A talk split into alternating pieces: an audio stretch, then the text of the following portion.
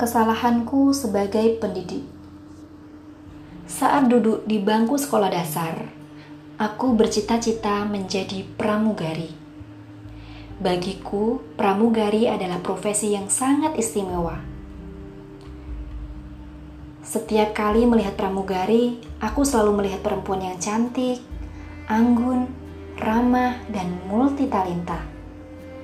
Ternyata menjadi anak kecil itu sangat membahagiakan, sebab aku tak perlu memikirkan bahwa aku anak orang miskin, tidak bertubuh ideal, dan tidak cerdas. Tentu, masalah ekonomi keluargaku membuatku aku tidak akan mampu meraih cita-cita itu. Namun, hal terindah di masa anak-anak adalah aku bebas berhayal.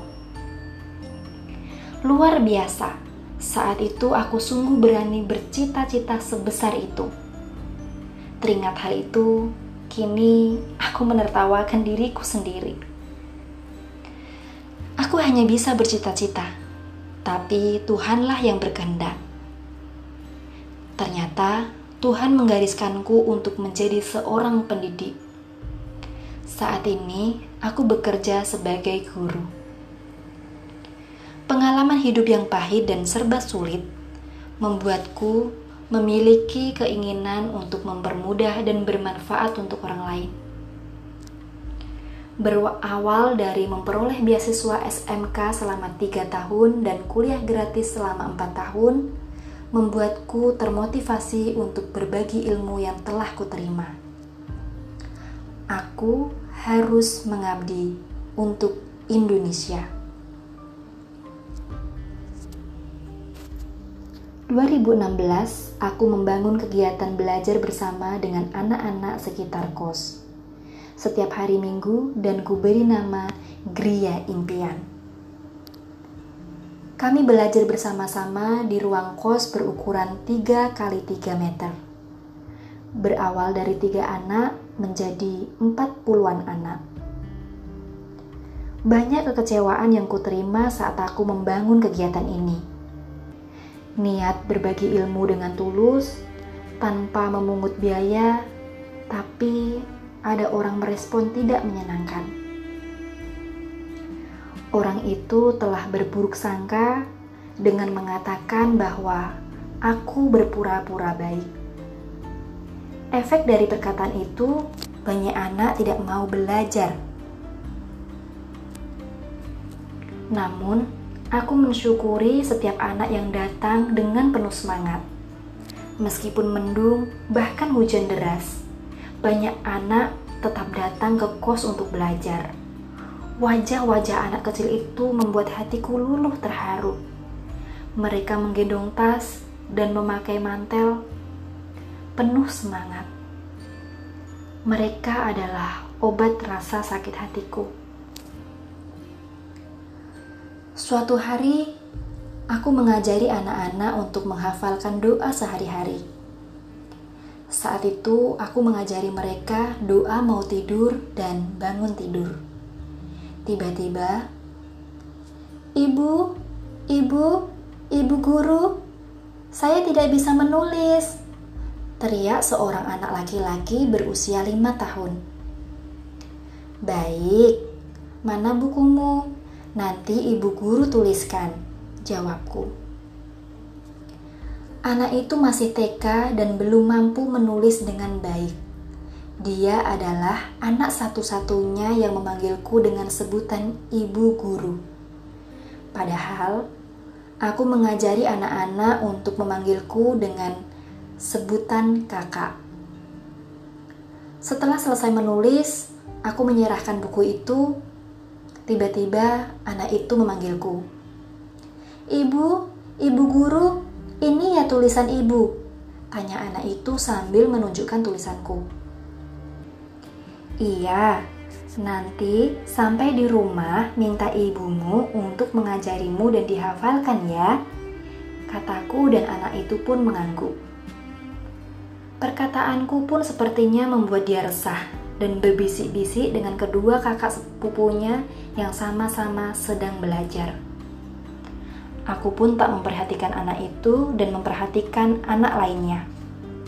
Lalu, dengan tanggap, dua anak itu menyampaikan keresahan anak laki-laki itu. Kak, Kak Tuti, dia nggak punya ibu, kata mereka serentak.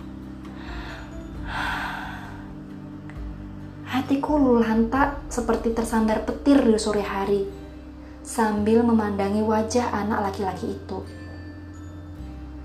Anak itu merasa bingung saat aku mengatakan, minta ibu mengajarimu. Aku pandangi sekali lagi wajah anak polos itu. Aku pun tak bisa berkata apa-apa.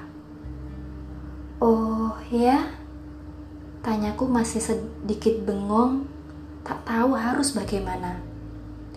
Shh, jangan bilang-bilang, tidak boleh bilang begitu, kata anak laki-laki itu kepada kedua kakaknya. Hatiku hancur mendengar suara itu. Iya kak, ibunya kabur, kata mereka lagi. Pernyataan itu membuat aku seolah sedang ke dunia lain. Aku mencoba menenangkan diri. Lalu kamu tinggal bersama siapa? Aku tinggal dengan Uwa, Kakung, dan Ayah, jawabnya. Lagi-lagi aku patah hati. Namun kali ini telah kubuat sendiri dengan mengatakan hal itu. Baik, kalau begitu nanti kamu minta ayah yang mengajarimu ya. Kataku merasa bersalah dan anak itu pun mengangguk. Ya sudah, Sini ibu peluk. Aku membuka kedua lengan tanganku. Iya sana dipeluk Kak Tuti, kata kedua kakaknya. Tidak mau. Kenapa? Tanyaku. Kan ibu bukan ibuku, jawab anak itu polos. Ya, ini ibumu, ibu gurumu. Sini bujuku. Anak itu pun tersipu malu dan semua bersorak-sorak. Peristiwa itu adalah kesalahan terbesarku sebagai seorang pendidik. Sebagai pendidik, aku tidak mengetahui latar belakang anak-anakku. Betapa aku tidak perhatian dan kurang peduli terhadap mereka. Lalu, aku mencoba untuk mengunjungi rumah-rumah anak, untuk bersilaturahmi dengan keluarga mereka, dan mengetahui kondisi keluarga mereka. Bahkan anak-anak sangat antusias dan bahagia saat aku berkunjung ke rumahnya. Aku juga disambut baik oleh orang tuanya. Mereka sangat berterima kasih karena aku telah berkunjung. Aku sadar dan belajar bahwa menjadi seorang pendidik tidak hanya cukup memberi ilmu, tetapi aku juga harus mampu mengetahui latar belakang mereka yang membentuk perilaku anak-anak. Pengalaman itu menyadarkanku untuk lebih peka kepada sesama dan berhati-hati dalam berkata. Semoga pengalamanku ini dapat bermanfaat dan menjadi pembelajaran khususnya bagi diriku dan sesama pendidik. Inilah cerita yang sudah pernah saya tulis dalam kumpulan karya inspirasi yang berjudul Senso.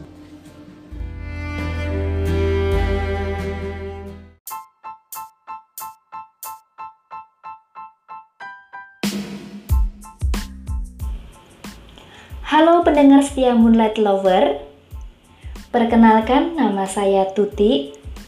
Saya adalah seorang pendidik di salah satu sekolah swasta di Jakarta. Di sini saya ingin berbagi pengalaman hidup dan semoga menginspirasi pendengar setia Moonlight. Bekerja menjadi seorang guru tidaklah mudah. Sering mendapat kejutan istimewa yang tidak diinginkan dari murid, tugas administrasi menumpuk, dan kadang-kadang mendapat komplain dari orang tua, padahal sudah bekerja dengan maksimal. Setiap Senin hingga Jumat, aku adalah seorang pendidik dan setiap Sabtu aku adalah seorang mahasiswi. Tahun 2019 aku mendirikan Asosiasi Guru Belajar. Asosiasi ini adalah perkumpulan para guru se-Indonesia yang berkomitmen belajar setiap seminggu sekali dan gratis. Ada keresahan dalam diriku bahwa aku harus bermanfaat untuk orang lain. Dan dengan cara inilah aku bisa mengabdi untuk pendidikan di Indonesia. September 2019, aku membimbing mereka untuk menulis kisah inspirasi menjadi seorang guru. Kumpulan tulisan para guru aku terbitkan menjadi sebuah antologi kisah inspirasi. Aku juga mengajak para guru untuk talk show supaya tulisan mereka bisa memotivasi guru lain. Berjalannya waktu, tibalah aku harus mengerjakan tesis. Aku sangat kesulitan mencari ide untuk penelitian. Lalu ada seorang teman yang mengatakan, Buatlah tesis berdasarkan passionmu dan bakatmu. Kalimat itu membuat aku berpikir keras tentang bakatku dan akhirnya menemukan kata menulis. Kemudian muncul ide untuk menganalisis buku kisah inspirasi. Bulan Januari hingga Juli 2020 adalah bulan frustasi bagiku karena banyak beban pekerjaan dan aku harus menyelesaikan penelitian. Rasa lelah tenaga dan pikiran tidak bisa aku deskripsikan. Setiap malam aku memeras otak dan kadang-kadang merasa kosong. Banyak sekali ide yang ada di pikiranku, tetapi aku tidak bisa menulisnya. Badai pasti berlalu. Aku berkomitmen untuk lulus tepat waktu. Aku rajin konsultasi dengan dosen dan akhirnya aku menjadi mahasiswi pertama yang mendaftar ujian tesis di angkatanku. 12 Agustus 2020, aku dan empat teman angkatanku mengikuti sidang tesis. Kami menjadi mahasiswa pertama yang lulus angkatan 2018. 2 Oktober 2020, dosenku menghubungiku untuk mengikuti konferensi internasional dan menjadi presenter untuk memaparkan hasil penelitian tesis. Jujur, aku takut. Karena aku tidak pernah memiliki pengalaman menjadi presenter. Menjadi narasumber tingkat nasional pun aku tidak pernah. Apalagi ini langsung tingkat internasional. Aku tidak memiliki kepercayaan diri untuk mengikuti konferensi itu. Namun, berkat suami dan dosen yang mendukungku, akhirnya aku memberanikan diri untuk mengikuti konferensi internasional. Luar biasa. Saat aku melihat daftar presenter lain, mereka adalah para ahli yang bergelar master, doktor, dan profesor. Aku semakin takut, tetapi aku tidak bisa berlari. Satu minggu menuju hari H, aku tidak bisa tidur nyenyak. 22 Oktober 2020, tiba waktunya aku berbicara di hadapan mereka. Gemetar, takut, dan jantung berdetak kencang, bahkan aku tidak bisa tersenyum karena merasa cemas melihat mereka. Jam 12 lewat 15 saatnya memberi salam. Aku mulai memperkenalkan diri dan semua pikiranku melayang. Tidak ada rasa takut dan tanpa sadar aku sangat percaya diri. Tuhan telah memainkan skenario-nya. Tuhan pengatur hidup dengan sangat api dan rapi. Aku tidak pernah menyangka apa yang aku lakukan tahun lalu membimbing para guru, menulis dengan ikhlas, akhirnya sekarang aku memetik buahnya hingga bisa lulus kuliah dan memiliki pengalaman bertaraf internasional. Aku belajar bahwa tidak ada usaha yang sia-sia semua akan indah pada waktunya. Itu adalah janji Tuhan kepada hambanya.